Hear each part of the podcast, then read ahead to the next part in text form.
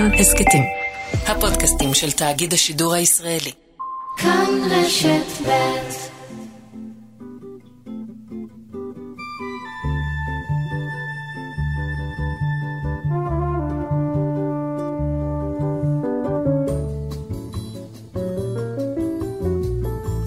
בוקר טוב ושבת שלום, ברוכים הבאים לשעה השנייה של תוכניתנו. עורכת משנה ומפיקה מאיה טלמון עזרזר, על השידור אמיר שמואלי, אני אורן נהרי. ואנחנו ממשיכים את מסענו שזה עתה החל במאה ה-20 והיום שנת 1901.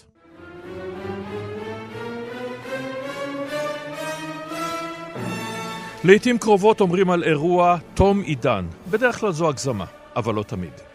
ב-22 בינואר 1901 הלכה לעולמה ויקטוריה, מלכת בריטניה וקיסרית הודו, שמלכה במשך כמעט 64 שנים, שיא שיישבר לימים רק בידי אליזבת השנייה.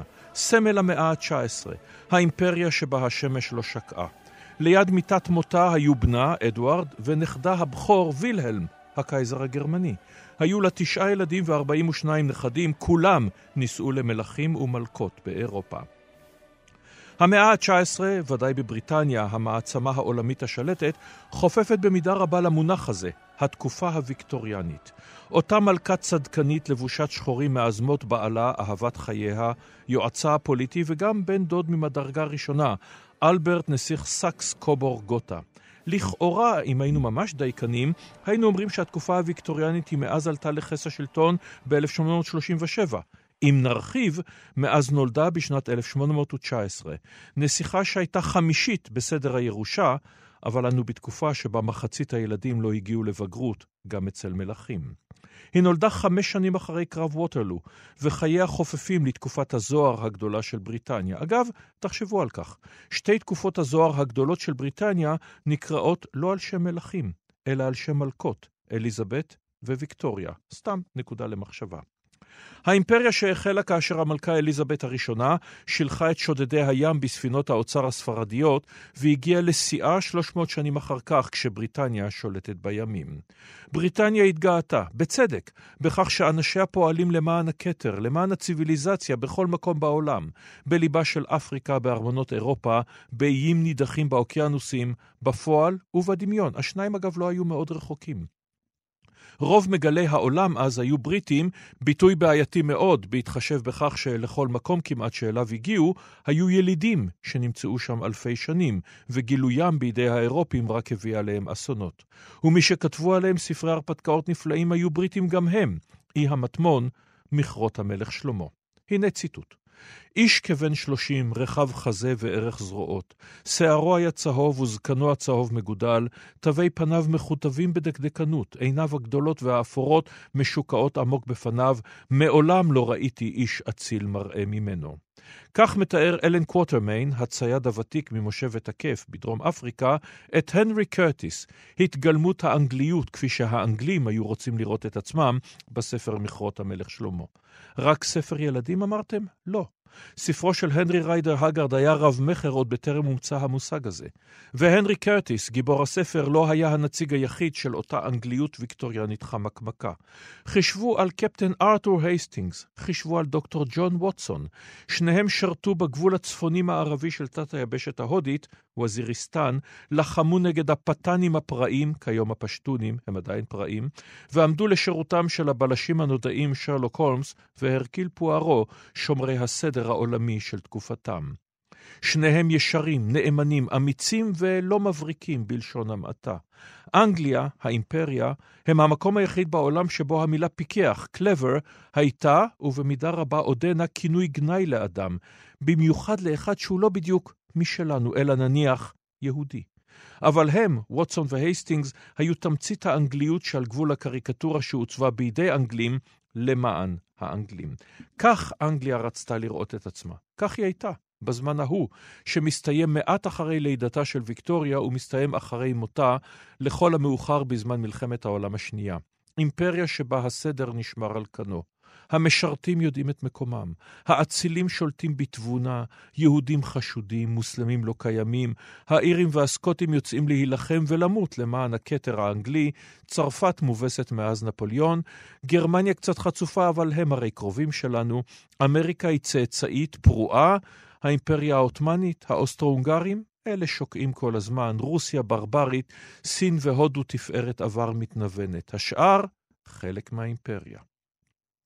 בוני האימפריה הגדולים, ססיל רודס באפריקה, רוברט קלייב בהודו, יצאו להעמיד לעצמם אימפריה בלי לחכות שממשלתם תעמוד מאחוריהם. חלקם הצליחו. קציני הצבא שיצאו לשחק את המשחק הגדול בערבות אסיה כדי להגן על הודו, היהלום שבכתר. רבים מהם נספו. אך הותירו מורשת.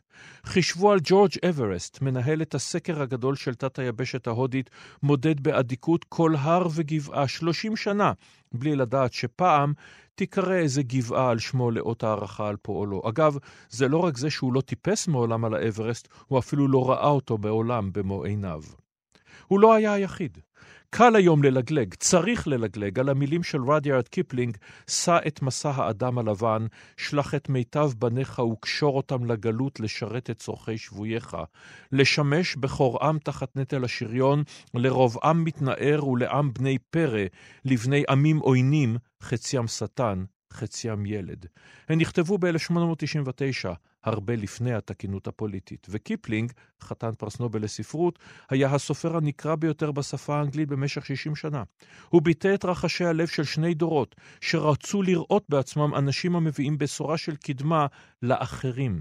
ואזכיר לכם שבספרים, שהיו לי סרטים, גונגדין וקים, ההודים הצעירים באים לשרת מתוך אמונה את האנגלים, והם לא בוגדים, הודו לא הייתה מדינה, היא הייתה מושג גיאוגרפי, והבריטים תמיד כרתו ברית עם ממלכה זו נגד אחרת, ואותם בריטים גם מביאים, צריך לזכור גם את זה, את בתי המשפט והרכבת, את האיסור על הסטי, המנהג הנורא של שרפת אלמנה במות בעלה.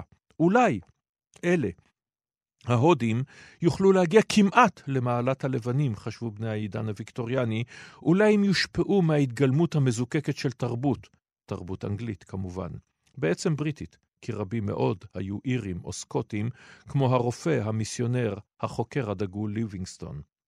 אחרי המפגש המפורסם עם סטנלי שנשלח לחלץ אותו ואמר את מילות הפגישה המפורסמות בהיסטוריה, דוקטור ליבינגסטון, אני מניח, כששניהם האנשים הלבנים היחידים ברדיוס של 1,500 קילומטרים, ליבינגסטון סירב לחזור. הוא נשאר באזור שהוא היום זמביה, עד מותו ב-1873 ממלאריה ודיזנטריה. בריטניה רצתה לקבור את אחד מהדגולים בבניה בטקס מלא. הילידים האפריקנים לא רצו להיפרד מהרופא שחי ביניהם. לבסוף הושגה פשרה. הם שלחו את גופתו, עם פתק. אתם יכולים לקבל את גופו, אבל ליבו שייך לאפריקה, והלב נקבר מתחת לעץ סמוך למקום שבו נפטר. שני משרתיו הנאמנים לקחו את גופתו עם יומנו למסע בין 2,250 קילומטרים אל החוף, ומשם לבריטניה. גופתו הונחה בארון במטה החברה הגיאוגרפית ונטמנה בכנסיית וסטמינסטר. זו הייתה בהחלט צדקנות מרוצה מעצמה, והיה לה בסיס. אנשי האימפריה הבריטית האמינו בכל לב בשליחותם, שליחות דתית, נוצרית, חינוכית, שכיסתה כמובן על אינטרסים. גיבורי בריטניה חירפו את נפשם בארצות רחוקות כדי להביא להם תרבות, ולא רק. קיצ'נר, וורן, כריסטופר ואחרים באו לכאן בשם החברה לחקר ארץ ישראל, ערבוביה של הון פרטי וציבורי, תערובת של אנשי ביון, ארכיאולוגים, שרטטי מפות, שבאו להוכיח את אמיתות התנ"ך, להתכונן למלחמה אפשרית מול טורקיה וגרמניה, לחקור את הבדואים, את בעלי החיים, את הצמחים, בקיצור להרחיב דעת. והם הצליחו. לימים הגנרל אלנבי הסתמך על המפות שהם שרטטו בכיבוש הארץ מידי העות'מאנים. בריטניה ידעה להימנע מהמלחמות היבשתיות שבהן אירופה הקיזה את דמה. היא מימנה מלחמות, לא שלחה כוחות קרקע. המימון, המסחר, היה הדרך האנגלית, כאשר שני יהודים, אחד מומר, ראש הממשלה די-יזרעאלי, השני גאה ביהדותו, הברון רוטשילד, במחטף מזהיר, השתלטו על מניות אחדים של מצרים בתעלת סואץ ועל נתיב המים הקריטי בדרך להודו. בסוף המאה ה-19 לבריטים הייתה סיבה טובה להביט קדימה בסיפוק. בשלושים השנים שבין 1870 ל-1900, האימפריה הבריטית הוסיפה 11 מיליון קילומטרים ו-60 מיליון נתינים לשטחיה. רבע מתושבי העולם חיו בצל הדגל של היוניון ג'ק. תקופת ויקטוריה הייתה העידן שבו האימפריה התבססה על צי מלחמה שלו בסיסים ימיים ותחנות טלגרף בעולם כולו. צי מסחרי, בנקאות, ביטוח ומסחר, תעשייה שנסמכה על המהפכה התעשייתית שהחלה בבריטניה. מנוע הקיטור, הרכבת, אוניית הקיטור, כולם בריטים. מעולם, לא לפני כן ולא אחרי כן, חשה עצמה אנגליה כה חזקה, בוטחת, שאננה. המקלע, הטלגרף, הרכבת, אוניות הקיטור, החזיקו את האימפריה. הם פתחו את התערוכה העולמית ב-1851 בארמון הבדולח, קריסטל פלאס, שבהייד פארק, שם הוצג כל טוב העולם. בריטניה הובילה במדע, ברפואה. ג'ון סנואו המציא את האפידמיולוגיה. דרווין יצר מהפכה מדעית ומחשבתית. אבל מאחורי החזות הנוצצת הייתה גם מציאות אחרת. ב-1801 כבר היו בלונדון מיליון תושבים. מאה שנה אחר כך, שבעה מיליון. לונדון הייתה עיר של מהגרים עניים, יהודים שנמלטו מהפוגרומים ברוסיה, אירים שבאו בגלל המגפה שפגעה בתפוחי האדמה. שליש היו עניים, עוני מרוד. יותר מ-50% מאוכלוסיית בריטניה התגוררו בערים ב-1891. בערפל של איסט-אנד, ברובע וייטשאפל, שוטט ג'ק המרטש, עד היום הרוצח הסדרתי המפורסם בהיסטוריה. בתת מודע האנגלי כתבה מרי שלי את פרנקנשטיין וברם סטוקר את דרקולה, וכמובן דיקנס הביא לנו את גיבוריו שובי הלב עד היום. ויקטוריה חגגה את יובל הזהב ואת יובל היהלום, וצעדו כולם, יחידות פרשים של האימפריה, רובעי מושבת הכיף, ההוסרים הקנדים, רמחי ניו סאות' ווילס מאוסטרליה, פרשים קלים מטרינידד. אבל האור המוזהב לא היה של שמש זורחת, אלא שמש שוקעת, למרות שייקח עוד הרבה מאוד זמן עד שהדברים יתבררו סופית. וכשהלכה המלכה ויקטוריה לעולמה, היה ברור שהמאה ה-19 הסתיימה. אבל בנה המשיך אותה. נראה היה לבריטים, כמו גם לנתיני בית הוהנצולרן, בית הבסבורג, בית רומנוב, בית עות'מן, שהדברים יימשכו כמימים ימימה. ספוילר, זה לא יקרה, והרבה יותר מהר מכפי שמישהו שיער. ארבעה נשיאים אמריקנים נרצחו, אני מניח שהפחות מוכר מתוכם הוא למעט חובבי הז'אנר המובהקים הוא גרפילד, שכיהן 200 ימים, מחציתם גסס. וכמובן, לינקולן וקנדי. אבל אני רוצה לטעון שאולי הרצח הפוליטי המשפיע ביותר של נשיא אמריקני הוא דווקא הרצח של מקינלי בידי האנרכיסט לאון צ'ולגוש, וזאת בגלל הנשיא שהחליף אותו. מקינלי נחשב נשיא טוב, שלא תהיינה אי הבנות, אבל יורשו הוא אולי נשיא דגול. שלום לדוקטור יעל שטרנהל. שלום, שלום. ראש התוכנית ללימודים אמריקניים באוניברסיטת תל אביב, טדי רוזוולט, האיש שעולה לשלטון, ספרי קצת עליו. טדי רוזוולט אה, נחשב עד היום לסמל של אה, כל מיני תהליכים היסטוריים אה, חשובים. אה, בין היתר הוא באמת מגלם את הנשיאות החדשה, את התפיסה הזו שנשיא ארצות הברית אה, הוא המנהיג בה"א הידיעה של אה, המדינה, שזה עד כמה שזה נשמע לנו היום מובן מאליו, אה, זה לא בהכרח האופן שבו דברים התנהלו בארצות הברית לאורך השנים, ורוזוולט באמת הביא סגנון של מנהיגות שמאז לינקולן, צריך לומר, ארצות הברית לא ידעה כמוהו. אה, ולכן הוא דמות מאוד משמעותית בהמצאה של המדינה האמריקנית המודרנית, כפי שאנחנו מכירים אותה, כזו שמנוהלת מהבית הלבן, וכזו שהיא מדינה אסרטיבית, אה, מלאת אנרגיה, ששועטת קדימה אל העולם. עכשיו... הוא גם נשיא שמזוהה עם אה, רפורמות חברתיות סופר חשובות בארצות הברית של מעבר המאה. מדינה שתופסת את עצמה כמתערבת לא רק בענייני העולם, אלא גם בענייני אזרחיה שלה, ודואגת להם, וחומלת עליהם, ומנסה למצוא דרך לגרום ליצור העצום הזה שנקרא הברית אה, בעידן של תיעוש, של מהפכה קפיטליסטית שנייה, אה, של שינויים אדירי מימדים mm. בדרך החיים של בני אדם. אה, למצוא דרך להפוך את השינויים האלה לנסבלים יותר, ואת החיים של אמריקאים לנסבלים יותר גם כן. עכשיו, אם אנחנו מסתכלים על כך, זה קצת מצחיק, אבל אולי לא, אבל הממסד הרפובליקני מאוד לא רצה אותו כאשר הוא היה מועמד לסגן הנשיא, אגב, רק בקדנציה השנייה של, אה, של מקינלי, אה, מארק האנה אמר, אתם השתגעתם לשים את הפוחז הזה פחות או יותר במרחק פעימת לב אחת מהבית הלבן, הוא היה חשוד, פרוגרסיבי מדי. הוא היה פרוגרסיבי מדי, אה, והוא הביא איתו אידיאל של גבריות שלהרבה אה, גברים בוושינגטון היה לא נוח איתו. אה, הוא בילה הרבה זמן במערב, היה מאוד מזוהה עם הטבע האמריקאי ועם אה, תפיסה של הגבר כמי שתפקידו לכבוש את הטבע ולהיות חלק מהטבע. הוא לא היה פוליטיקאי וושינגטוני שיושב ושותה את הסיגר שלו את הוויסקי שלו עם הסיגר אה, אה, ומתחך תככים אה, עם חברי בית הנבחרים, אלא הוא הביא איתו באמת משהו, למרות שהוא הגיע ממשפחת אצולה ניו יורקית, למרות שהוא בהחלט לא גדל במערב, אלא אימץ את החזות או את המיתולוגיה המערבית כאדם בוגר, עדיין הוא הביא איתו לוושינגטון איזה סגנון אישי שבאמת לרבים לא היה נוח איתו. וכמובן הוא מתחיל את עידן. או לא מתחיל, מקינלי התחיל, אבל את האימפריאליזם, עם ה, אה, הוא מרחיב אותו עם הפרויקט אולי הגדול ביותר, תעלת פנמה ודברים אחרים. אימפריאליסט חסר בושה בתקופה אימפריאליסטית חסרת בושה.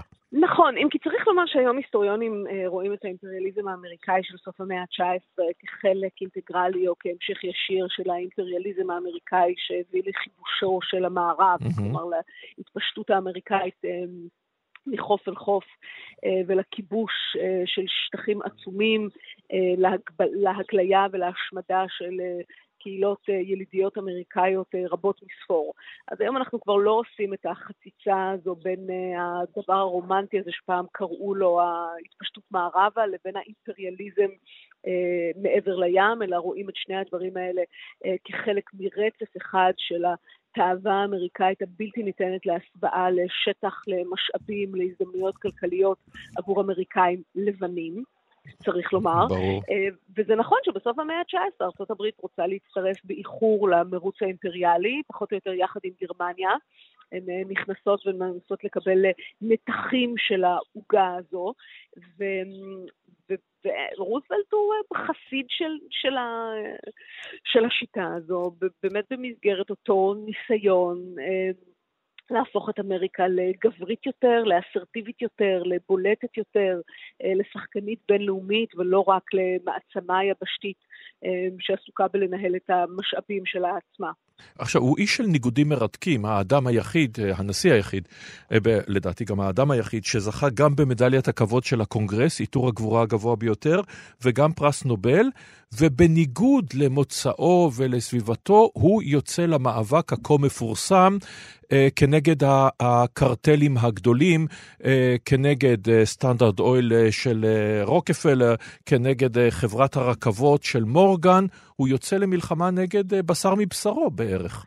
נכון, אבל גם את זה צריך לומר, כדאי לשים בהקשר, בגלל שרוזוולט לא היה זה שהמציא את התנועה, מה שאנחנו קוראים לו התנועה הפרוגרסיבית. Mm-hmm. זה עידן שבו אה, הרצון לרכך את ההשפעות של הקפיטליזם הופך להיות אה, נחלה של אה, לא מעט אמריקאים גם במעמד הגבוה. כלומר, התחושה שאמריקה הופכת להיות ממקום שבו כל אחד יכול לחיות בכבוד לארץ שבה נחילים של מהגרים עניים, פועלים שלא מצליחים להכיל את הילדים שלהם, מציפים את הערים, מסכנים את הסדר, אמ, מערערים על היציבות האמריקאית שאמריקאים ממעמד גבוה אה, כל כך התבשמו בה והיו גאים בה. אה, ורוזוולט בהחלט מביא את המגמות האלו אה, מהחברה האזרחית אל הבית הלבן. כלומר, הוא שואב אותן מתוך אה, פעילות שהיא מאוד אינטנסיבית ומאוד רחבה אה, בעיקר בערים הגדולות האמריקאיות בניו יורק, בבוסטון, בשיקגו, אמ, אבל, אבל הוא לוקח את זה צעד אחד קדימה והופך את זה למדיניות לאומית אה, שיוצרת כמה מהחוקים שהם עד היום החוקים הכי טובים שיש בארצות הברית, אה, בין אם זה שימור של משאבי טבע, בין אם זה ריסון של הכוח התאגידי, בין אם זה זכויות בסיסיות לעובדים, אלה בהחלט דברים שרוזוולט היה אה, שחקן משמעותי, כי צריך לומר, לא שחקן יחיד בהם. ואם אנחנו הזכרת את נושא הטבע, אז שוב, אדם של שניות או של ניגודים, צייד נלהב, טוב, זה בתקופה, זה בערך התקופה שדיברת על הגבריות, אה, והוא היה יוצא למסעות ציד. מצד שני, כמובן, אותו אירוע, אולי מיתולוגי, שבו חמל על גור דובים, ומכאן הכינוי טדי בר, וגם רשות הפארקים הלאומיים והגנים הלאומיים, זאת אומרת, מצד אחד ציד חיות בר גדולות, ומצד שני הגנה על הטבע. כן, נכון, זה באמת אחד הניגודים הכי מרתקים אצלו, אה, כי הוא באמת רואה את הצורך להגן על משאבים אמריקאים, שוב, מהתאווה הבלתי נשלטת, גם של מתיישבים, גם של המדינות, כלומר של הסטייט, שכל אחת אה, רוצה להרוויח עם משאבי הטבע אצלה, אה, וגם כמובן של התאגידים, שאינם יודעים שובע. אה, בתקופה הזו, ולכן העובדה שהממשלה הפדרלית נכנסת כמגנה של הטבע, אה, זה, זו קונספציה שהיא, אה, שהיא היא, היא לא טריוויאלית, היא היום נראית לנו טריוויאלית, כי אנחנו מניחים שכמובן שהממשלה הפדרלית תגן על משאבי הטבע של ארה"ב, אבל חשוב להבין עד כמה הממשלה הפדרלית הייתה גוף חלש לאורך רוב שנותיה של ארה"ב. עד תחילת המאה ה-20 הממשלה הפדרלית היא גוף כמעט שולי בחיים של אמריקאים, עם החריג הזמני, אבל החשוב כמובן, של מלחמת האזרחים. שאז ממשלת ארה"ב הופכת להיות בעצם הגוף שמנהל את חיי היום-יום של מיליוני חיילים ושל האזרחים שתלויים בהם. אבל חוץ מהאפיזודה הזאת, צריך לומר, הממשלה האמריקאית היא ממשלה לא מתערבת, שעושה מאוד מעט, צריך לומר, והשוק הפרטי והמדינות ואזרחים פרטיים אה, הם אלו שמובילים הרבה מהתהליכים החשובים שאנחנו מכירים בארצות הברית.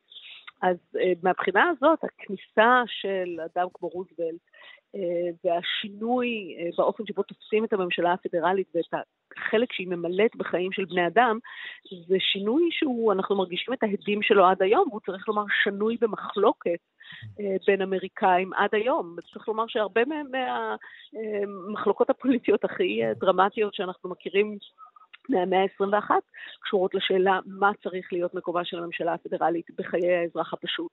ורוזוולט בהחלט מהאנשים שיש להם קרדיט אה, שיכולים לקבל קרדיט על הרעיון שכן, לממשלה הפדרלית יש תפקיד להיות אקטיבית ולא לשבת ולאפשר תהליכים, אלא ליזום אותם ולהגן על אנשים ולהגן על טריטוריות אה, ולהיות גורם משפיע בחיי האזרחים ולא רק אה, לא להפריע להם לעשות מה שהם רוצים. ואם את הזכרת את מחלוקות המאה ה-21, המפלגה הרפובליקנית שגאה מאוד, בצדק, לומר The Party of Lincoln, היום לא טדי רוזוולט, לא אה, אברהם לינקולן, האמת, גם לא אייזנהאור, ואני אפילו לא בטוח עד כמה רייגן, היו עוברים פריימריז במפלגה הכה מזוהה עם טראמפ, עדיין. אמ, אין שום ספק בזה. המפלגה הרפובליקאית עברה שינויים אה, אדירים במהלך ה... מה... כמה זה? היא הוקמה ב-1854, אז אנחנו כן מתקרבים אל אה, יום הולדת המאה וה-70 שלה. היא התחילה בתור מפלגת שמאל, צריך לומר, mm-hmm. אקטיביסטית, אה, ולאט לאט עברה תהליך של אה, תנועה ימינה, אה, תנועה שלא נפסקת. צריך לומר, והיא היום מפלגה שנשלטת על ידי אנשי קצה ימנים. ולא אנשי ימין אה, מתון או ימין מרכז שמחפשים אה, מכנה משותף רחב עם אה, אמריקאים שמצביעים למפלגה הדמוקרטית. ובמובן הזה, טדי רוזוולט הוא באמת היום נשיא ש, שנשיאים דמוקרטים שואבים ממנו השראה. למשל, בתקופה שאובמה ישב בבית הלבן, והוא היה מכנס היסטוריונים כדי שידברו איתו על היסטוריה של הנשיאות וייתנו לו דוגמאות והשראה, אז אובמה חשב על לינקולן, כמובן, הוא גם מאילנוי וגם מי לא חושב על לינקולן, אין עוד נשיא אמריקאי כמו לינקולן, אבל ההיסטוריונים שישבו איתו אמרו לו, בוא תחשוב דווקא על טדי רוזוולט, בוא תחשוב על נשיא שהגיע ולא דרך מלחמה, זה בנסיבות אה, נורמליות, אה, לא בנסיבות שבו המדינה, המדינה מתפרקת, אה, הצליח לעשות אה, דברים גדולים אה, כדי לשפר את החיים בארצות הברית ולהפוך אותם לקצת יותר צודקים, וזאת דוגמה שאפשר לקחת ממנה לא מעט גם במאה ה-21. ואם את, אה, איפה את מדרגת אותו בנשיאים הדגולים? כמובן, הוא קיבל את הכבוד הענק של הר ראשמור וכולי. אה, הוא בחמישייה הפותחת? אני יודעת, אה, אני לא, אני פחות... את לא, פר, את לא ברשימות. כן, אני פחות ברשימות. הוא, תשמע, הוא דמות מורכבת. צריך לזכור שהוא גם נשיא בתקופה של הפרדה גזעית mm-hmm. קיצונית ומתחזקת, נושא שהוא לא עסק בו. אם כי צריך לומר שהוא הזמין את בוקר טי וושינגטון לארוחת ערב נכון, רשמית בבית הלבן, שזה נכון, לא ראשון לא אז. טריוויאלי, כן, לא דבר טריוויאלי לשבת עם דם שחור לשולחן בתקופה שבה לבנים ושחורים אה, לא אמורים להיות בשום מגע ובוודאי לא לסעוד יחד. ועדיין צריך לומר, אה, זו מחווה סימבולית יפה, והוא בוודאי היה פחות אה, אה, קיצוני בדעות הגזעיות שלו מנשיאים שבאו אחריו, כמו וודרו ווילסון, אה, שהמשיך כן. להקצין את ההפרדה הגזעית. אבל, אה, אבל אני גם, כלומר, אני גם רואה את האופן שבו האימפריאליזם והגבריות והאסרטיביות שלו, המודל הזה של מה זו אמריקה במאה ה-20, זה גם מודל שהוא מאוד מאוד בעייתי, וש... הנתינים האימפריאליים שילמו עליו מחיר אדיר.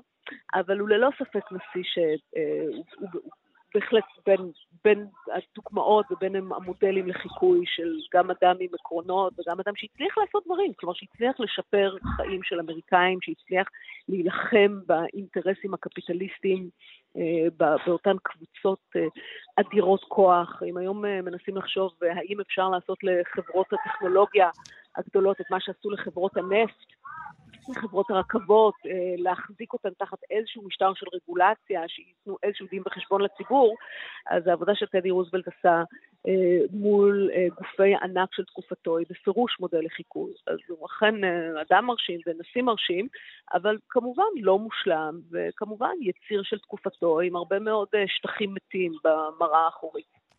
תודה רבה לך על הדברים האלה, הדוקטור יעל שטרנהל, ראש התוכנית ללימודים אמריקניים באוניברסיטת תל אביב. תודה, אורן. ומה איתנו בשנת 1901? אז הקרן הקיימת לישראל נוסדה בקונגרס החמישי של ההסתדרות הציונית ב-1901 כמכשיר פיננסי לאומי לגאולת העם והארץ. כלומר, אמצעי לאיסוף כספים מיהודים לשם קניית קרקעות בארץ ישראל והכשרתן להתיישבות יהודית. אה, וזה עד עצם היום הזה. את עשר הלירות הראשונות למפעל החדש תרם אדם בשם יונה קרמניצקי, שברחוב על שמו אנחנו מקליטים את התוכנית הזו. הרצל הוסיף אחריו. לאחר הקמת מדינת ישראל, קרן קיימת לישראל הפכה לחברה ישראלית, והיא ממשיכה בעבודתה. כמובן, הוויכוח כיום על מה צריך להיות המנדט של קרן קיימת לישראל, הוויכוח הזה נמשך. ועוד דבר, חשוב לא פחות, אולי אפילו יותר. בשנת 1901, בעיר אודסה, מפרסם משורר בן 28, חיים נחמן ביאליק שמו, את קובץ שיריו הראשון. בשלב הזה הוא כבר משורר ידוע. הוא כותב שירים לאומיים, שירי אהבה, שירים רבים אחרים. הוא עדיין לא המשורר הלאומי, אבל בהחלט בדרך. הנה אחד השירים שהיו בקובץ הזה, שאותו כתב באותה שנה, 1901. זריתי לרוח אנחתי. זריתי לרוח אנחתי, וירווה החול דמעת עיני. הרוח, אם תמצא את אחי, אמור לו, אוד עשן הנני. אמור לו בי נבע מקור אורה, ויבש נטפים נטפים. בלבבי שלהבת יקדה, ותדעך רשפים רשפים. ועתה מעייני כמו פצע, רק שוטט ומטפטף לפעמים, ולבבי עוד יאשן במסתר, מגולל באפר ובדמים.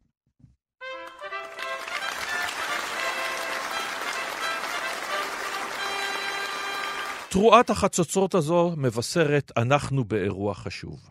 ובשנת 1901 חולק לראשונה פרס, מורשת התעשיין, היזם, אלפרד נובל השוודי, ממציא הדינמיט, שהותיר הון לקרן שתחלק פרסים למצוינות אנושית. מן הסתם אפילו הוא לתאר לעצמו שהפרס על שמו יהפוך ליוקרתי ביותר בעולם ויעורר, בתחומים מסוימים לפחות, מחלוקת סוערת שוב ושוב ושוב. שלום לאיתי נבו. שלום אורן, שבת שלום. שבת שלום, עורך ראשי, אתר מכון דוידסון לחינוך מדעי. ספר איך בא הרעיון הזה לאלפרד נובל. טוב, נובל, כמו שאמרת, היה תעשיין נשי, הוא המציא את הדינמיט והמציא עוד הרבה מאוד פטנטים שקשורים לחומרי נפץ, למשל הנפה, זו המצאה שלו. אה, נובל חשב שההמצאות שלו היו בסך הכל משהו כמו 350 פטנטים, והוא רצה שהם ישמשו את האנושות לתועלתה, לקריאה, לסלילת כבישים, לחציבה, אבל כמובן שהפטנטים האלה הלכו בעיקר או בכמות מאוד נכבדת לשימוש צבאי. ובשנת 1888 אה, מת אחיו של נובל, לודוויג, ועיתון צרפתי, לפי האגדה, פרסם כותרת גדולה, סוחר המוות מת, כי הוא חשב שבטעות אה, מדובר באלפרד נובל עצמו. האגדה כזאת לא מדויקת, אבל כנראה כן הייתה איזו ידיעה שגויה שכתבה שאי אפשר להחשיב את אה, אלפרד נובל למטיבה של האנושות. לא ברור אם זה מה שהשפיע עליו אה, לייסד את אה, קרן הפרסים, או שהייתה לו חברה מאוד טובה שהייתה מאוד פציפיסטית, יכול להיות שזו השפעה שלה, יכול להיות שזה שילוב של הדברים. בכל מקרה הוא מחליט להוריש את רוב הונו לקרן שתעניק פרסים על, אה, כמו שאמרת, מצוינות אנושית בחמישה תחומים, שהוא קבע אותם בדיוק, פירט את הצבא שלו בדיוק מי יעניק את הפרסים ומי יבחר את הזוכים, רק הוא לא סיפר על זה שום דבר למשפחה שלו. והמשפחה נדהמה לראות אחרי שהוא אה, נפטר ופתחו את הצוואה, ש-94% מההון שלו הוא הוריש לקרן הזאת, ולקרובים שלו השאיר רק אה, פירורים. הם ניהלו מאבק משפטי נגד ההחלטה הזאת, אבל אה, הפסידו בסופו של דבר, אבל זאת הסיבה שהפרס הוענק בפעם הראשונה רק ב-1901, כשנובל מת חמש שנים קודם לכן, ב-1896. איתי, אני רוצה לשאול אותך, אנחנו מכירים את המחלוקות הסוערות אה, בפרס נובל לספרות, לעתים גם בפרס נובל לכלכלה, שנוסף לימים ולא היה במקור, פרס נובל לשלום בוודאי מעורר מחלוקות מדי שנה בשנה, אבל מתברר שגם בפרסים המדעיים, שלכאורה היינו מדברים שפה יש מצוינות נטו, אבל עדיין יש מאבקים סוערים. למשל, היה מאבק שאסור שאלברט איינשטיין יזכה, כי הוא מביא תיאוריה ולא תגלית.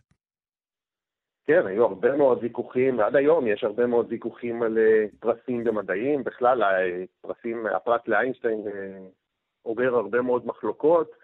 בין השאר, לא רק בגלל שזאת הייתה תיאוריה, בגלל שהיה קשה מאוד להוכיח אותה, אבל גם אחרי שהיחסות הכללית הוכחה וכבר היה ברור אה, שהיא חשובה מאוד, עדיין היו לא מעט שהתנגדו להענקת הפרס לאיינשטיין, בגלל שהתיאוריה הזאת הייתה כל כך מהפכנית, וגם זה שהוא היה יהודי כמובן לא הזיק לעניין. בסופו של דבר אצל איינשטיין הייתה פשרה, הוענק לו פרס אה, על עבודה אחרת, על גילוי האפקט הפוטואלקטרי מ-1905, ואיינשטיין החליט חצי כאות מחאה לא לבוא לטקס, הוא לא אה, הגיע לסטוקהולם לקבל את הפרס, הוא היה בסיור במזרח הרחוק, ואחר כך אפילו קפץ לארץ ישראל בדרך חזרה. וכמובן יש לנו את הנושא של אפליית נשים. המקרים המפורסמים, אם הזכרנו יהדות, רוזלין פרנקלין שלא הייתה בחיים ועל כן לא יכלה לקבל את הפרס, אבל לא הייתה מקבלת בכל מקרה, ליזה מייטנר ו- ורבות אחרות, שג'וסלין אה, בל ברנל, שהופלו לרעה לעומת הגברים באותו תחום. אה, כן, יש אה, לצערנו הרבה מאוד אה, דוגמאות לזה. אנשים שהזכרת בהחלט ולא חסרות. אגב, בשנת 1903, השנה השלישית בסך הכל שהפרס הוענק, החליטה ועדת פרס נובל לתת פרס על גילוי הרדיואקטיביות וחשיבותה, ולחלוק אותו בין אנרי בקרל, האיש שבפועל גילה את התופעה הזאת, ופייר קירי, שהיה שותף למחקר מאוד פורץ דרך.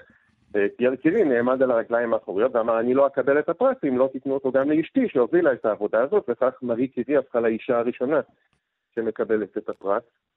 אבל uh, לא לכל האנשים היו גברים שיילחמו על הזכויות שלהם, והרבה מהם uh, אכן קופחו. אם אתם מסתכלים היום על מספר האנשים, עדיין, אחרי שבשנים האחרונות כבר יש תיקונים לאפליות האלה, מספר האנשים או אחוז הנשים שזוכות הוא חד ספרתי נמוך, בערך חמישה-שישה אחוזים.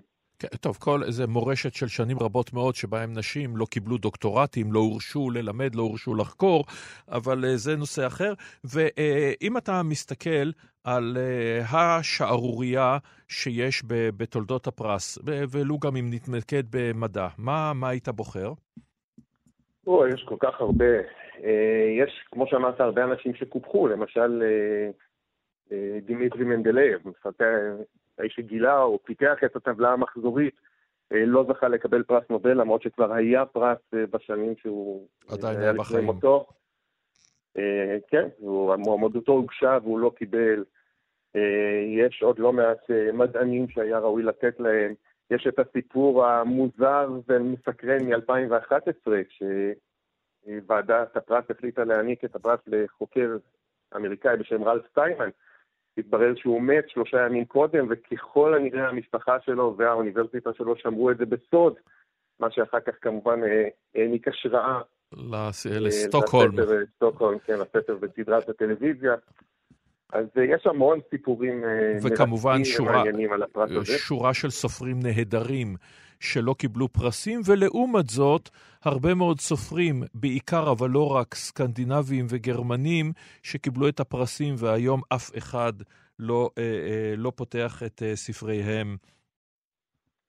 כן, אם אנחנו חורגים מהפרסים במדעים, אז כמובן ההחלטה להעניק פרס נובל לשלום למי שהיה אז נשיא ארה"ב, ברק אובמה, ולו על ההבטחה שבעצם בחירתו, עוד לפני שהוא עשה בכלל משהו, גם כן. הייתה אחת המשונות. וכפרס נובל לקיסינג'ר, ויש כאלה שיזכירו גם את אה, פרס הנובל לערפאת, רבין בפרס אה, ורבים אחרים, אבל בסוף, בסוף, בסוף, זה עדיין הפרס היוקרתי ביותר בעולם, וזה עדיין סימון וי על, על קריירה. כן, לגמרי. זאת בהחלט פסגת השאיפות של כל אה, מדען או מדענית לקבל פרס נובל. יש אגב ארבעה מדענים שקיבלו פעמיים פרסי נובל אה, מדעיים, ועוד אחד, אה, פאולין קיבל פעם אחת במדע ופעם אחת פרס נובל לשלום, אבל uh, באופן מפתיע אלה דווקא לא המדענים הכי מוכרים. נכון. אבל כן, זה, זה בהחלט uh, הפרס היוקרתי. אני חושב שהוא הפך ליוקרתי uh, גם בגלל שהוא היה פרס uh, מאוד חלוצי בשעתו, mm-hmm. uh, רב-תחומי, עולמי, למרות למגינת ליבם של הרבה שוודים שטענו שמי שצריך לקבל אותו הם רק שוודים. וגם בגלל סכום הכסף, שהיה סכום מאוד גדול. ברור. וגם היום הוא סכום לא קטן, סדר גודל של מיליון, מיליון וחצי דולר, אה, כמובן בקרונות שוודיות. ומשנה את החיים, ככה סיפרו לי חתני פרס נובל ישראלים. מאותו יום החיים שלך שונים לחלוטין. תודה רבה לך, איתי נבו, העורך הראשי של אתר מכון דוידסון לחינוך מדעי. תודה רבה. ועדיין באותו נושא, בערך, בשנת 1901, אדם שזכה בפרס נובל לימים, שלא בצדק ניתן לטעון, הגיע להישגו הגדול. שידור טלגרפי מאירופה לאמריקה, גוליאלמו מרקוני האיטלקי. הרץ, יהודי גרמני, הוכיח שחשמל יכול לעבור בגלים אלקטרומגנטיים, שאותם גלים שהתדירות שלהם לרוחב הספקטרום מקרני רנטגן דרך קרינה אולטרה סגולה, האור הנראה לעינינו, גלי מיקרו ועד גלי רדיו. והרץ עושה ניסויים, מקבל על שמו את יחידת התדירות של הגלים, והם יביאו להעברת הקול, לא רק בכבלים, כלומר טלגרף, אלא דרך האוויר, טלגרף אלחוטי.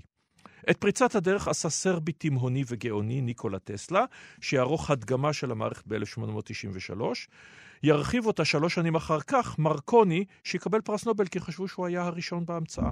עכשיו, טלגרף אלחוטי עושה את מה שעושה טלגרף, מעביר מסר מנקודה לנקודה. מה שיהפוך אותו למשנה עולם הוא ההבנה שניתן להשתמש בטכנולוגיה הזו, העברת אותות אלקטרומגנטיים, לא רק מנקודה משדרת לקולטת, אלא מנקודה משודרת לעשרות נקודות קולטות, ולימים עשרות מיליונים, כלומר, הרדיו. הרדיו והאלחוט זהים מבחינה טכנולוגית.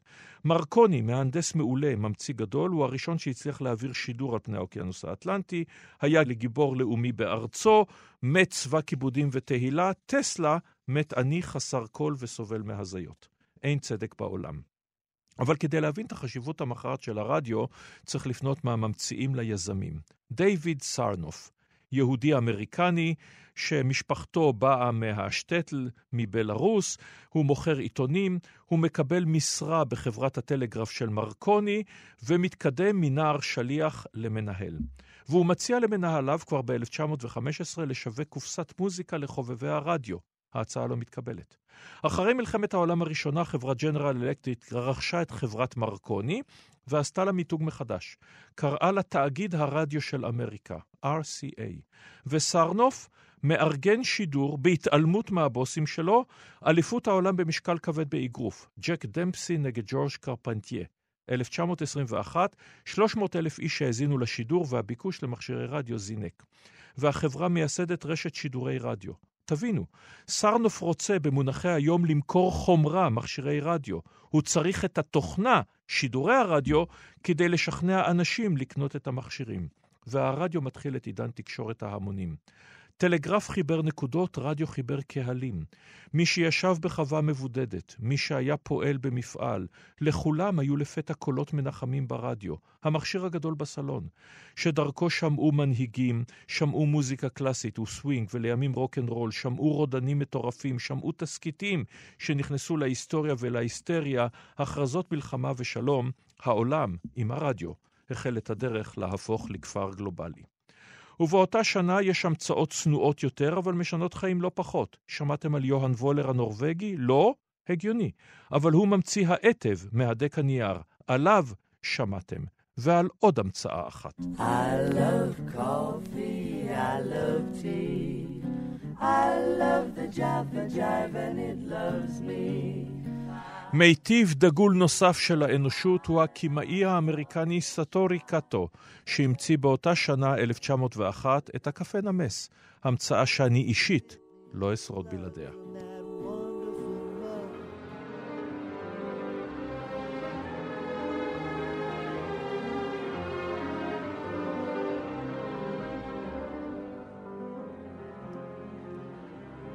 צלילים נפלאים וקור רומנטיים. שירים נכתבו על פי הקונצ'רטו הזה, ששר בין השאר פרנק סינטרה וגם רבים אחרים. הקונצ'רטו הזה ליווה שורת סרטים של בימאים, מבילי ויילדר ועד קלינט איסטווד, הייתם מאמינים? ואולי מוכר יותר מכל לחובבי הקולנוע של פעם, בסרט Brief Encounter, פגישה מקרית של דיוויד לין, בימאי בריטי דגול, בין השאר אה, לורנס איש ערב והגשר על נהר קוואי, הסרט נבחר למקום השני בסרטים הבריטיים הגדולים אי פעם. הסרט במקום הראשון, אגב, הוא האדם השלישי. והסרט הזה מספר על אותה פגישה מקרית בין סיליה ג'ונסון, עקרת בית, נשואה, שני ילדים, חיים שגרתיים. פעם בשבוע היא נוסעת ללונדון ליום כיף, לראות סרט, משהו, וחוזרת חזרה ברכבת, ששם נכנס לעינה גוף זר, ומסייע לרופא, שמגלם אותו טרוור האווארד, מהשחקנים האנגלים של אז, והם משוחחים. והם קובעים להיפגש בשבוע הבא. ובשבוע אחריו, והם נפגשים כל יום חמישי, והם מטיילים, והם משוחחים, והם מתאהבים, ואז זהו, אין יותר. בסוף הסרט כל אחד מהם יחזור למשפחתו, הוא לא יבגוד במשפחה, היא תחזור אל החיים הצנועים המעט משעממים שלה, והוא ייקח את משפחתו וייסע לחפש את גורלו מעבר לים, ביוהנסבורג. אנחנו בתקופה שבה דרום אפריקה עדיין היא חלק בלתי נפרד מהאימפריה, זאת בעוד הקהל מתייפח באולם והצלילים מגיעים לקרשצ'נדו.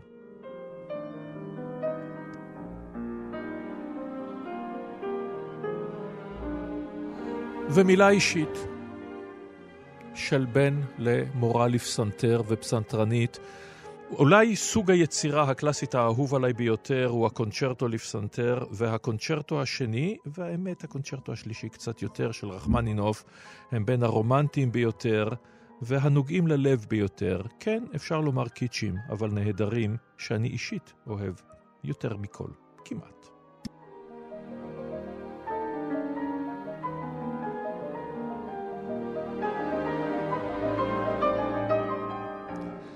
זהו, עד כאן תוכניתנו, תודה רבה שהייתם עמנו. מיד יומן השבוע עם שלום קיטל, עורכת משנה ומפיקה מאיה טלמון עזרזר, על השידור אמיר שמואלי, אני אורן נהרי, להתראות בשבת הבאה.